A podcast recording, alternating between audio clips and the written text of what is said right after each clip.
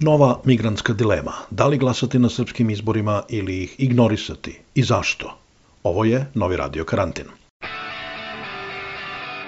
Zašto je to bilo najsmešnije? Najsmešnije je bilo što, ovaj, što će se na kraju ispostaviti da je tih eh, par godina Tomislava Nikolića još bilo normalno. Ali ja bih teo ovog puta da izjavim podršku po politici predsednika Vučića. Ali ovo što se dešava u Srbiji je da, prosto toliko je zanimljivo da je nemoguće ne pratiti. A čim pratiš, onda mislim nekako mi je logično da i odreaguješ.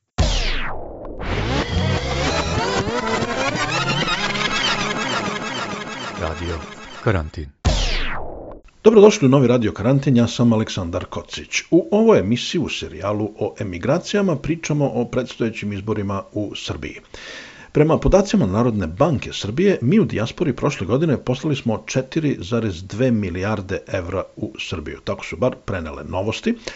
A docent ekonomskog fakulteta u Beogradu Veljko Mijušković rekao je istom listu da prema procenama nekih milion ljudi u Srbiji prima doznake iz inostranstva.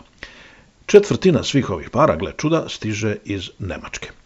Šta nam sve to govori? Između ostalog da dijaspora i tekako učestvuje u ekonomskom životu Srbije, doduše indirektno. Samim tim, dijaspora svakako ima pravo da učestvuje i u političkom životu, bar izlaskom na izbore, iako nam to pravo mnogi smorovi osporavaju površnim argumentom da mi koji smo otišli treba da ćutimo, a ne njima da krojimo život. E sad, dijaspora slabo glasa i to nam je tako. Procenjuje se da nas u inostranstvu ima oko milioni 700 hiljada. Na poslednje izbore izašlo je nešto manje od 39 hiljada birača. Najviše srpskih državljana ima u Nemačkoj, skoro četvrt miliona. Deutsche Welle, međutim, kaže da se na izborima 2020. u toj zemlji prijavilo nešto manje od 3000 ljudi. Neka istraživanja, kako je pre par godina objavio RTS, ukazuju da najviše glasaju oni koji su skoro otišli iz Srbije. To zvuči razumljivo, ali se ne uklapa u onu predstavu da iz zemlje najviše odlaze nezadovoljni. Otkud onda najviše glasova dijaspora ide Vučiću? I zašto ne glasa više ljudi? Čini se da je za većinu najveća prepreka logistika.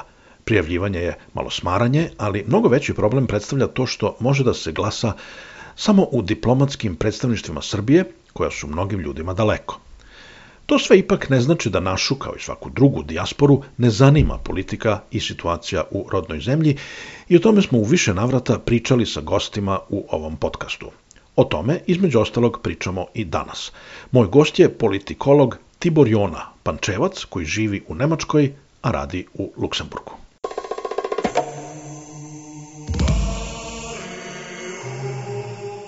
Da li ćeš da izađeš na ove izbore u Srbiji 17. decembra? Pa iskreno ne, zato što ovaj e, zato što je ceo sistem e, dosta komplikovano organizovan za nas iz dijaspore.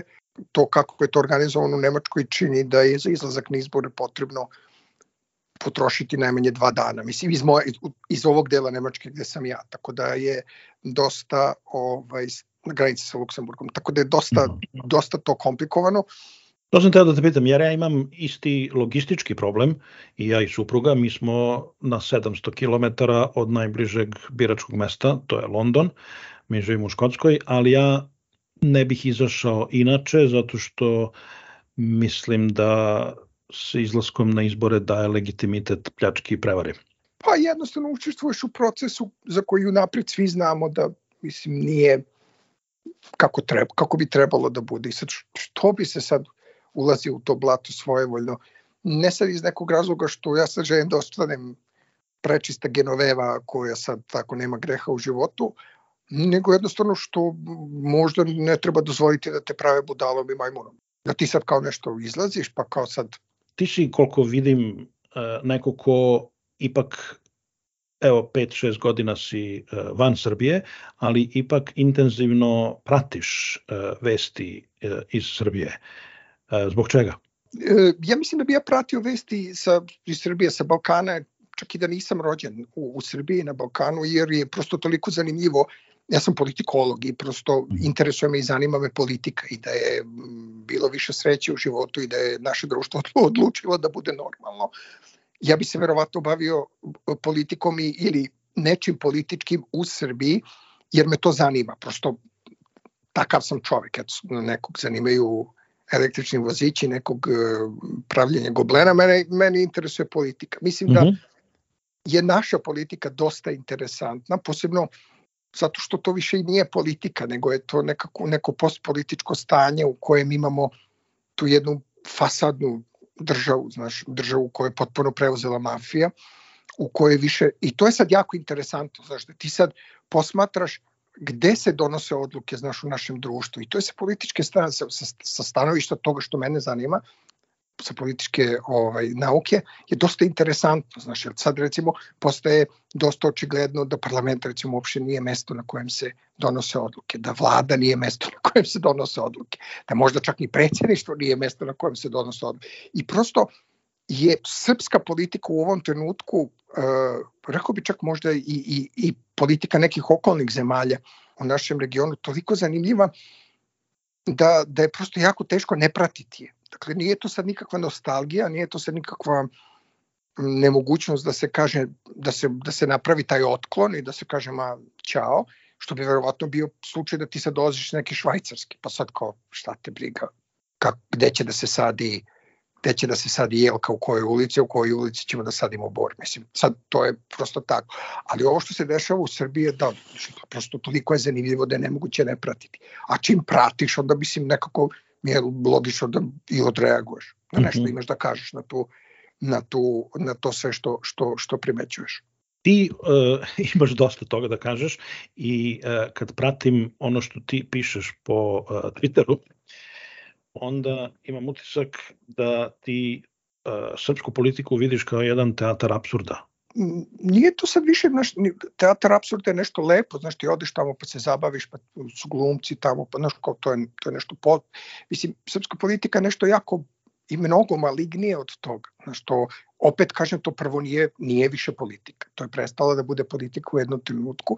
To je sad igra prestola između neformalnih centara moći koje mi još uvek nismo definisali i pri, za koje pri pokušaju definicije ti počinješ da zvučiš kao oni ljudi što nose e, šešire od folije, znaš, malo kao teoretičar zavere, znaš, to ono, pa neki ljudi kažu udbaši, neki ljudi kažu ove, neki ljudi kažu oni, ali prosto, znaš, e, srpska politika, da je tako nazovemo, mada opet nije, ona to nije, nije ništa lepo. I to je ovaj, kako se zove, i to je možda najveći njen problem mi već sad, mislim, naša srpska politika su spaljene kuće ljudima, srpska politika su ubijeni ljudi, srpska politika su uništene karijere, srpska politika su spiskovi nepodobnih, srpska politika, znaš, mislim, to, to su strašne stvari, koje politika nije. Naša politika je sve samo ne uništavanje života ljudi, svesno uništavanje života ljudima da bi se određena ovaj, e, grupa ljudi uh, bogatila, a onda u svemu tome najstrašniji zapravo deo je što ti sad kad pogledaš šta su pa nekakve alternative na toj političkoj znaci navoda o ovoj sceni, ti onda vidiš da to u stvari nije nikakva ni opozicija, da su to nekakve konkurentske grupe, znaš, da su to prosto drugi centri moći, znaš, koji bi sad oni malo da da se tu, znaš, da tu nema niko zapravo sa idejom da nam, kako nama sistemski treba da bude bolje, kako ćemo sa korupcijom, kako ćemo sa činjenicom to kao da, da, da, da nam je zdravstvo ovaj, pred kolapsom, kako ćemo sa činjenicom da više nema koja ti okreći stan, kako ćemo sa činjenicom da su medicinske sestre sve češće nekakvi polaznici dopisnih kurseva, koji se čak ni ti kursevi ne polažu, nego su i to kupuje diploma. Znaš, pa da ti imaš tako neke silne bolnice po Srbiji sa sestrama koje nemaju medicinsku školu, nego imaju to, to su neki frizerke koje to, ne znam, što završavaju te kurseve. Znaš. Tako da, e, to je, ja sad mogu da kažem, ovo je dosta bizarno, ali iz ove pozicije nekoga ko je toga pobegao, to je jako interesantno, znaš, ali Bog neki u pomoći ljudima dole. To je kao onaj, da, da nacionalni park, rezervat. Pa ne, ne, i to je lepo, ne znam kako ti kažem, znaš, to nije, to je, to je kao, mislim, ja sad, to čak nije ni Sicilija, znaš, ti, ti ti ljudi su imali, ne znam, imali neke skrupule, neke, neki moralni kodeks, znaš, ti, mi imamo to postpolitičko društvo u kojem je jedini, jedina vrednost bez, bez, besprekorna lojalnost. I ti možeš sad da ubijaš ljude, možeš da, da, da, mogu da te uvate kako kramoš sve, ako si lojalan, ništa ti se neće desiti. Znaš. I to su sa te neke stvari, ja mislim da, da, da, da su to neki problemi koje mi sad imamo u definiciji toga šta se to dešava kod nas u zemlji, znaš. Jer mi moramo da budemo svesni da to na način na koji se moramo, ne moramo ništa, mora samo se umre. Ovaj, ali valjalo bi da postanemo svesni da to šta je politika kod nas i šta je politika, ne znam, u Danskoj ili u, u, u, u Sloveniji, da to nisu iste stvari, znaš, da su to dva potpuno različita ovaj, dva potpuno različita procesa, znaš, da, da, da, da, da, pro, da prosto ne znam, ono, kod, kod nas ne postoji javni interes u toj jednačini koja se zove politika. Što je to potpuno izbačeno iz bilo kakve ono, iz bilo kakve ra rasprave. Tako da ne, ne, ne, ne, bih, ne bih upotrebio ništa lepo. Eto. A neko ko živi e, na polju, van Srbije, jel imaš neki, to, to je nešto na što sam naišao i kod sebe, moram da priznam, i kod mnogih gostiju dok, smo, ovaj, dok pravimo ovaj podcast, a to je nekakav osjećaj gneva ili čak možda i prezira prema uh, srpskom društvu kod ljudi koji su otišli, uh, koji dolazi u stvari od onog čuđenja dokle ćete više to da trpite.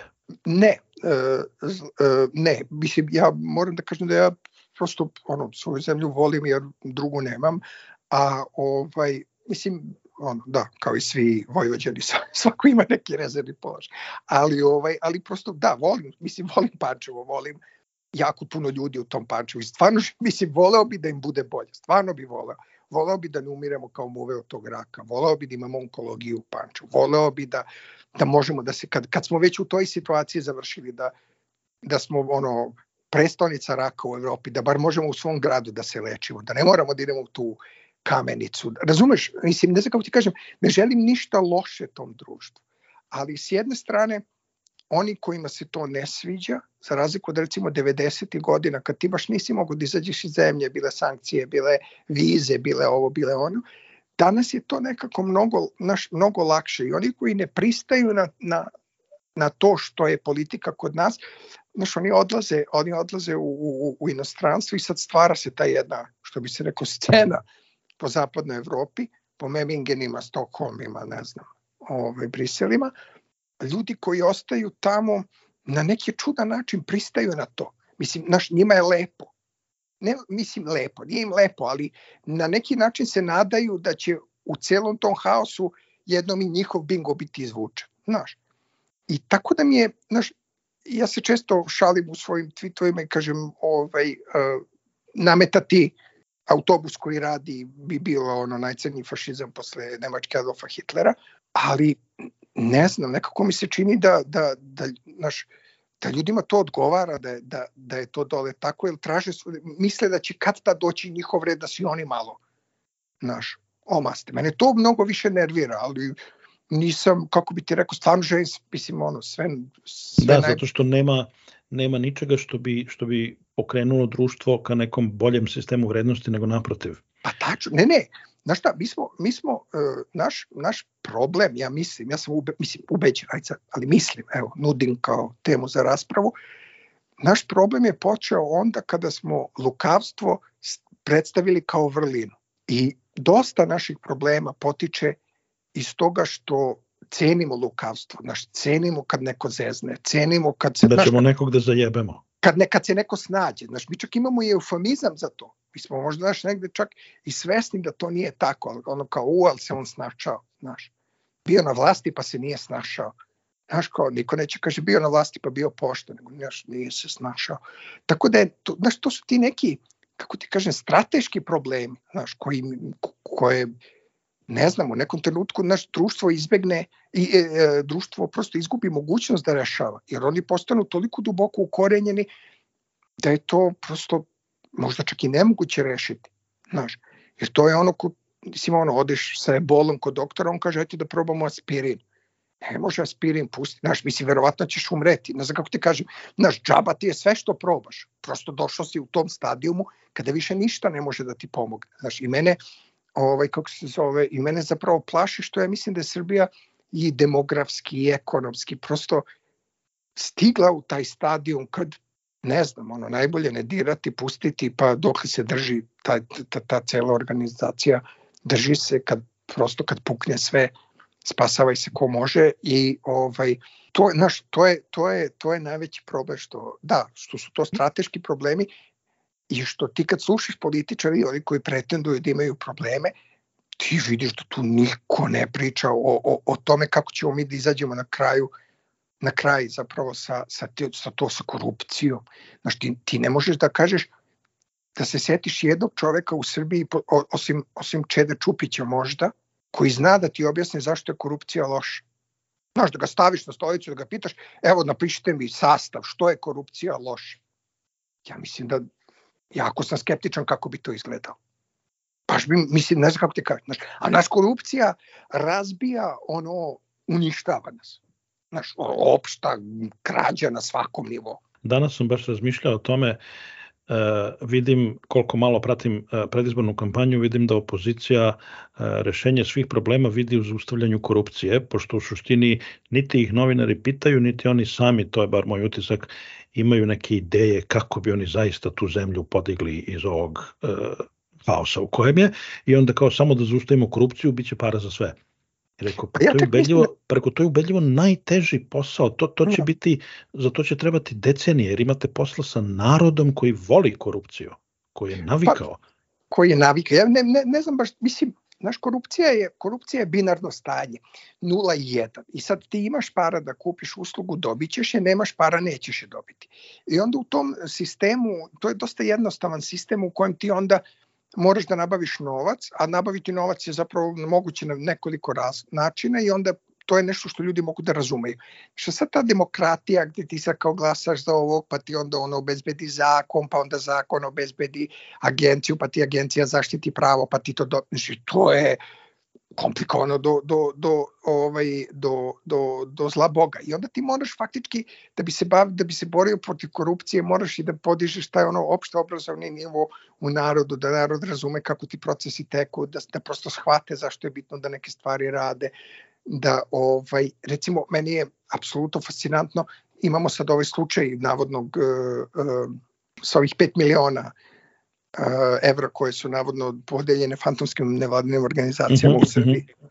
I onda ima, ja sam gledao taj film, znaš, i sad, da li je to tačno ili nije, vidjet ćemo, ali, ovaj, ali mi je interesantno u tom filmu koji je urađen, kad jedna direktorka škole kaže, pa to je veće od našeg na, ovog godišnjeg budžeta. Znači, to je sve što ti treba da znaš o korupciji u Srbiji. Da se kod nas, recimo, znaš, nismo mi siromašna zemlja Samo se mnogo krade. A to koliko se kod nas krade, to ja mislim Švajcarska ne bi izdržala. Mislim, kakva Švajca, to ne, ne, mislim, niko ne bi izdržao. Znaš, dve švajcarske da se skupe zajedno, ne bi izdržale taj naš, prosto, tu našu endemsku korupciju, da što više nije ni ono da kažeš pa dobro, sad kao svuda postoji korupcija, postoji korupcija u Engleskoj, postoji verovatno i u Nemačkoj, znaš, ali to su nekako sa, sa, sa dve razlike, verovatno na tom nekom strateškom nivou postoji to kao najveća ta velika korupcija, to verovatno postoji to političari, šta ti ja znam, i postoji druga velika stvar je što kad te uhvate, doviđenja, gotov si. A ovaj, kako se zove, mi, kod nas toga nema, znaš, kod nas je sve od šaltera u opštini do, do ovaj, e, pa nadalje, znaš, sve korumpirano, kad te uvate, zavisi koga znaš. Pa ako znaš prave ljude, možda i nisi korumpiran, možda ti Jel sam... znaš ti ko sam ja? Pa, da, ko je meni, ko, ko mi je tatko. I ovaj, tako da, tako da, znaš, to je sad, da, jako komplikovan, jako komplikovan problem, znaš, i to nas dovodi do, do drugog strateškog problema. A to je da mi sutra kažemo, evo mi sad prekidamo ovu praksu, od sutra smo, što se korupcije tiče šveđani, i ništa više, ja moram samo da pitam ko su ljudi koji to implementiraju. Ko je tih hiljadu dve ljudi gde su oni, gde su oni do sada, jer ja mislim da smo mi izgubili malo i ljudski kapital. Treba će nam šveđani da ih uvezemo, da pa oni ja, to... Da, ja, ja, da, ja, sam se, ja imam taj jedan alter ego na mom Twitteru koji se zalaže za ovaj, uh, psihijatrijsku policiju pod uh, norveškom kontrolom, znaš. Tako da ja mislim da to nije daleko od istine, znaš, da, da, da prosto, ali to se nikad neće desiti, to je najstrašnije, znaš ja stvarno želim svima sve najbolje na, na izborima, ali... Kao neko ko živi uh, van Srbije, je li imaš utisak da se, da se stvari jasnije vide sa distance nego kad si u jezgru? Ne, mislim da je, uh, mislim da je za, za uh, da se polako gube niti, znaš, jer ti moraš da budeš prisutan, da hvataš te malene, malene ovaj, naznake, da te skri, sitne signale, skrivene poruke, znaš, da taj folklor koji postoji, znaš, to, pošto mi imamo to, to kao potrebu da, da simuliramo procese koji ne postoje davno, procese donošenja odluka, proces, tako, znaš. I onda ako nisi baš na licu mesta, ako se ne viđaš s ljudima, ako ne pratiš recimo televiziju, ako ne pratiš televiziju redovno, znaš, posebno te neke Znači, ja, ja se šalim i kažem, postoji televizija koja te informiše na način što ti kaže šta je bitno da znaš, ali kod nas najveća već, ovaj, e, e, količina televizije te informiše kroz ono što pokušavaju da sakriju. Odnosno ti tek kroz, znaš, i sad to je onako jedan onaj Bletchley Park, znaš, to je ta jedna ono dešifrovanje enigme, znaš, gde ti prvo moraš da se informišeš na jednoj televiziji šta se zapravo desilo, pa da onda odgledaš šta kažu ovi da se druge strane da se to nije desilo i zašto se daš kao i to su jako interesantne opet ja zato mislim ono zato i zato i pratim ali mislim da da da mi što bi se rekao malo po malo onako opada mogućnost da ispratim sve znaš, na način na koji sam to pratio pratio u Srbiji što je verovatno negde dobro za mentalno zdravlje ne znam.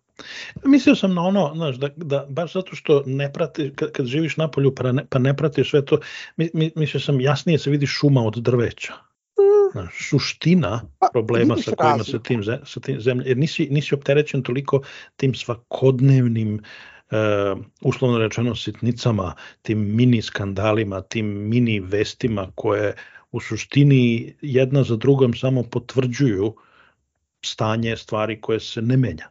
Da.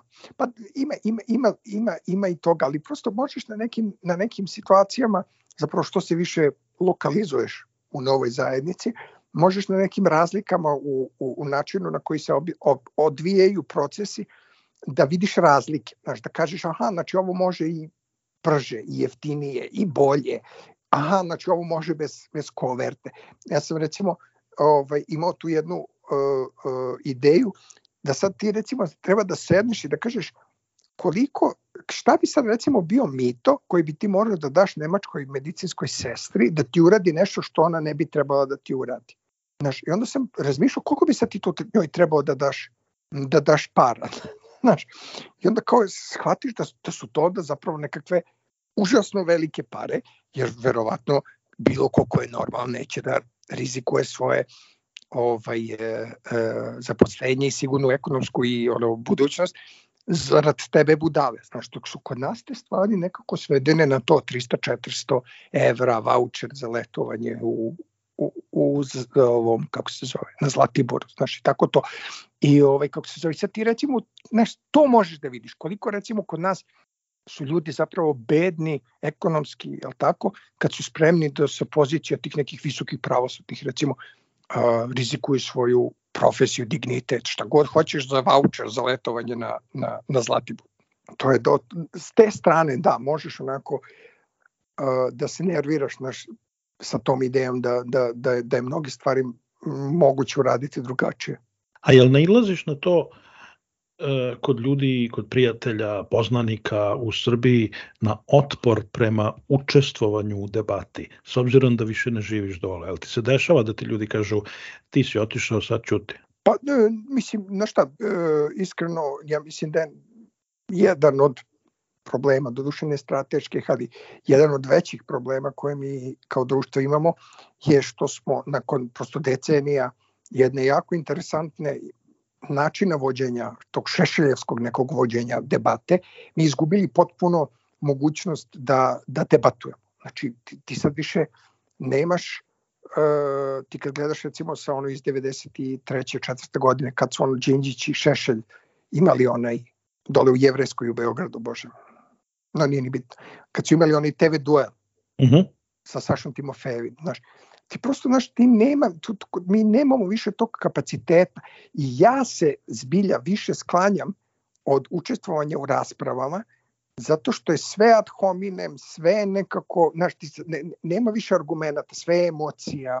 To je, to je dosta, dosta, ovaj, dosta uh, poražavajuće. Što je sve crno-belo, binarno, ili si jedno ili si drugo, ili ne možeš ili ovako. Znaš, sad ja, ima stvari zapravo u životu to kao ne možeš biti i za nacista i protiv nacista, prosto moraš da budeš protiv nacista. Mislim, ne, ne, nema ničeg lepog. Znaš, ali ima nekih situacija znaš, koje su komplikovane, koje su kompleksne, koje su ovakve ili onakve, gde prosto moraš malo da, da, da, da uđeš u, u, u ono dublje da bi, da bi mogao da, da pričaš o njima, znaš, o kojima nemoguće razgovarati na dnevno političkom nivou. Znaš. Ti kad uključiš ove naše uh, talk show emisije, o, kao to što ima jutarnje programe i to, pa to, to je, znaš, kao ti vidiš da tu nema, da tu nema, znaš, to, ne znam, mislim, ono, meni je, meni je, meni je to jedna, da, od strašnijih stvari, tako da se ja sklanjam, a s druge strane to kad te kažu, a ti si otišao, ti nemaš više prava, to je još jedan od tih ad homina, zašto ne bi imao pravo, znam kako ti kaže, svi komentarišemo šta se dešava u Palestini, svi komentarišemo šta se dešava Clintonu, svi komentarišemo, zašto su ne bi svi komentarisali šta se dešava u Srbiji, kad bi imali para da platimo, da smo non stop na CNN, ceo svet bi komentarišao šta se dešava u Srbiji, ko što svi komentarišu šta se dešava u Bakinghamskoj palati. Mislim, znaš, to je taj odnos, što sad ako me zanima, ne znam, šta radi kraljica Rahmetli, što me sad ne bi interesovali šta se još dešava. Znaš, mislim, to je prosto... To je ne, ne, prosto... apsolutno, ne moraš meni da se pravdaš. Ja, da. Meni je to ono pet hate kad mi ljudi kažu i sa nekim ljudima sam, nažalost, nekim drugovima iz detinjstva, nažalost, prekinuo kontakte zbog toga, jer su mi rekli, čuti, otišao si, nemaš više prava da zineš, ja preko toga ne mogu da pređem, jer mislim da je to apsolutno glupo to je nažalost jedna od tako da, da smo se smo se tu pozdravili to je nažalost jedna od, od karakteristika našeg dijaloga, ta potreba da odmah učutiš. Znači, ako se ne slažemo, učuti, odi, idi. Znaš, to je ono, vratite se odakle ste došli, to da što je bilo dosta popularno po Vojvodini 90-ih, znaš, kako ti se ne sviđa, idi. Znaš, ko pa čekajte, znaš, nije to sad, nije to sad sistem, sistem je valjda da, znaš, da razgovaramo, da razmenimo neku ideju, pa da vidimo ko je više i manje u pravu, pa da se, znaš, da se nađemo na nekom, na nekom delu puta, znaš, a sad, kod nas je, kažem ti, ta ideja da, da kogod ne misli isto kod tri treba odmah da učuti, da nestane, da ode, da, da ga ubi. Znaš, ko sad, mi smo sad prešli čak i to da ideš i da ostaneš. Ti sad kad gledaš kako izgledaju te, ovaj, e, ti sukobi po Twitteru na isto mišljenika, to, to u dva koraka se stigne do mrtve dece. Znaš, to nema više, nema više to kao, a idi, ne znam gde, znaš, ne, ne, to je odmah, naći ćemo ti decu i ubit ćemo te, to je dosta onako alarmantno, znaš. Pričamo pre svega u oči izbora i vidim da se puno apeluje na dijasporu da se aktivira i da glasa, ali statistike sa prethodnih izbora pokazuju da se dijaspora uglavnom ne aktivira i ne učestvuje mnogo.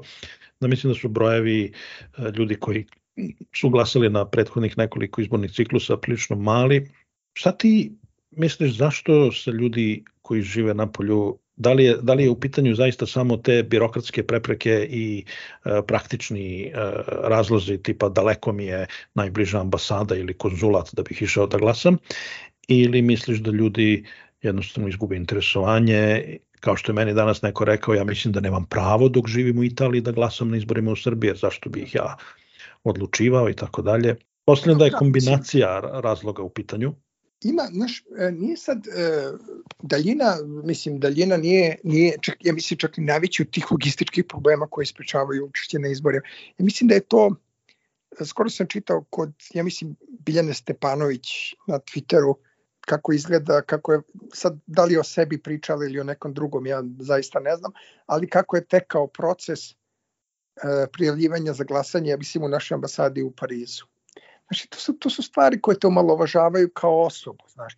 A ja polazim od toga da je jedan od glavnih razloga mog, recimo, bio, zašto sam se odlučio da odem iz, iz, iz Srbije, bio da zaista voleo bi da me niko ne ponižava u svakom dodiru, u svakom dodiru sa državom. Znači, tebi to nekako bi baš voleo da se osetim kao čovek kad, kad sam u kontaktu sa državom, ne da te ponižavaju od, od, od sporih procedura do ne, neefikasnih službenika, do korupcije, do ovog do, znaš.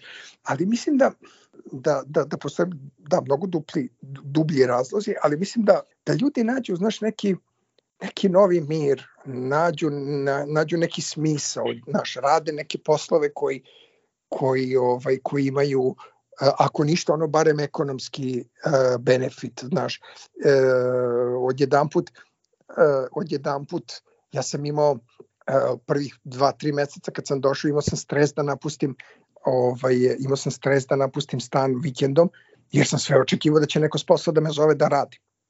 Znaš, pošto je u Srbiji najnormalnije. Znaš, e, ovo treba za ponedljak ujutro, pa sad ti sedi i radi ceo vikend. Znaš ima, znaš, otvore ti se potpuno nego što sad kao imaš sad jedan put slobodan vikend, kao radiš šta hoćeš. Mislim da se ljudi jako brzo naviknu na normalno, da jako brzo počnu da uživaju u tom normalnom životu koji vode i da jednostavno ne žele da prosto učestvuju u procesu koji je od početka prosto problematičan. Znaš, mislim, recimo, gledali smo sad Poljake kako glasaju na izborima koji su zaista mogli da donesu prevagu i doneli je. Gledali smo Rumune koji su glasali na izborima koji su mogli da donesu prevagu i doneli. Mislim da ljudi jako znaju da odreaguju na taj, znaš, da, da ne, ne padaju na parole, znaš, da, da im nije sad baš ovaj, e, da im nije, da, znaš, nisu baš magarci nego znaju, otprilike mogu da prepoznaju i to, da li je neka opozicija ili konkurencija. Znaš, pa onda kao sad, ne znam, u odnosu na to, se svi emotivno investiramo i postajemo kao to aktivniji glasače nego što bi obično bili i pojavimo se pa glasamo u inat svima. Znaš. Ali ovo, ovaj, ja mislim da je to dosta veliki problem opozicije zato što ne, naš, ne, ne uspeva da, da komunicira taj moment, e sad je stvarno promena, znaš. S druge strane, znaš, tebi niko ne kaže, slušajte, dijasporo, ima vas toliko, uh, hiljade, ne znam ko šta ja znam, kad mi dođemo na vlast, vama će biti obez... Znaš, mi želimo da se vi vratite u Srbiju pod ovim i ovim uslovima. Mislim, znaš, kao, niko, niko ti se ne obraća, znaš, kao, niko, mm. niko te, znaš, nemaš nikakav politički impuls da kažeš, aha, evo, vidiš ovaj čovjek je došao, znaš, kao, sad ja čujem razne priče, ja duše kažem ti ne, ne učestvujem nešto u, u, u radu zavičajnih udruženja, jer nas, našeg sveta nema ovde gde ja živim, puno, u ovom delu Nemačke, ne, ne, ne znam šta se dešava znaš, na tim mestima. Verovatno je to u Beču drugačije, verovatno ima nekakve agitacije u tim većim srpskim zajednicama. Znaš, verovatno se i tu svašta radi i, i mislim prosto što bi sa to bilo drugačije. Znaš. Ali jednostavno ovako meni kao to profesionalcu koji znaš, ne, ja bukvalno ne dobijam nikakav impuls, znaš, ništa mi nije jasno što će sad, znaš, šta će sad da se desi, sve nekako ostavljeno na moju visoku, ono, ovaj, visoku političku svest da odlučim. Ja se sećam e, kad je Saša Janković bio predsjednički kandidat, on je, ne znam da li išao negde drugde, ali znam da je stigao do Londona i sreo se sa dijasporom. Ja, pošto dobro, tada nisam živeo u Londonu, nego ovde u Škotskoj, ali meni on bio inspirativan kandidat, ja sam imao onaj, što, što se kaže, Obama moment i tad mi nije bilo teško da se prijavim i seo u kola i vozio iz Škotske dole za London da budem onaj kako zove kontrolor pa na da. izborima ispred, ispred Saša Jankovića, tad sam bio motivisan sad nikome ne da, motiviše. Da, to je, da. Znači čovjek je nekako dao ti je nekakav impuls, znaš, i sad da, da. pogod, znaš, pošto dobio se neki politički impuls, neko ti se obratio, priznao je da postojiš, priznao je, znaš, da, da, da prosto imaš vrlo poseban set uh, poseban set e, političkih potreba koje ti je potrebno zadovoljiti da bi u prosto zamenu za, za, za te poruke glasao dao prosto ono što, što jedino kao građan imaš, a to je, to je, taj, to je taj glas. Znaš, tako da to mene ne čudi, to upravo o tome ti pričam. Znaš, jednostavno, znaš, ovde su svi nešto u fazonu, a glasajte za nas, to je, to je ona priča, to je ona priča ovaj, da e, je ceo bivši režim E, dan danas pominje bele listiće kao ovaj, e, što niste glasali za nas, znaš, kao da je sad postoji obaveza da se za nekog glasa, ali prosto to prebacivanje ovo, krivice na građane to, to, to, to, to, to, mnogo, to, to, to, glupo. Znaš, kao, znaš, glupi građani, eto, kao mi smo, ovaj, mi smo bili tu, a vi nas niste hteli, znaš, kao, prijatelju, dozovi se pameti, mislim, znaš, kao. Dajte mi bolje građane. Pa to, to, to, znaš, to je bukvalno to, kao je da mi je bolji građana, ja bih vladao 200 godina, pa izvini, molim te. Radio Karantin. Bio je to Tibor Jona u Triru u Nemačkoj. U sledećoj emisiji nas dvojica nastavljamo razgovor i pričamo o Nemačkoj, o životu u rodnom mestu Karla Marksa i u Luksemburgu gde Tibor radi. Gde god da ste našli naš podcast, ostavite nam ocenu ili komentar. Na taj način pomoći ćete i drugima da nas nađu. Bićemo vam veoma zahvalni ako možete da nam pomognete i donacijom. Link i informacije su na našem sajtu radiokarantin kao jedna reč.eu. Hvala vam što nas slušate. Pozdrav iz Glaskova.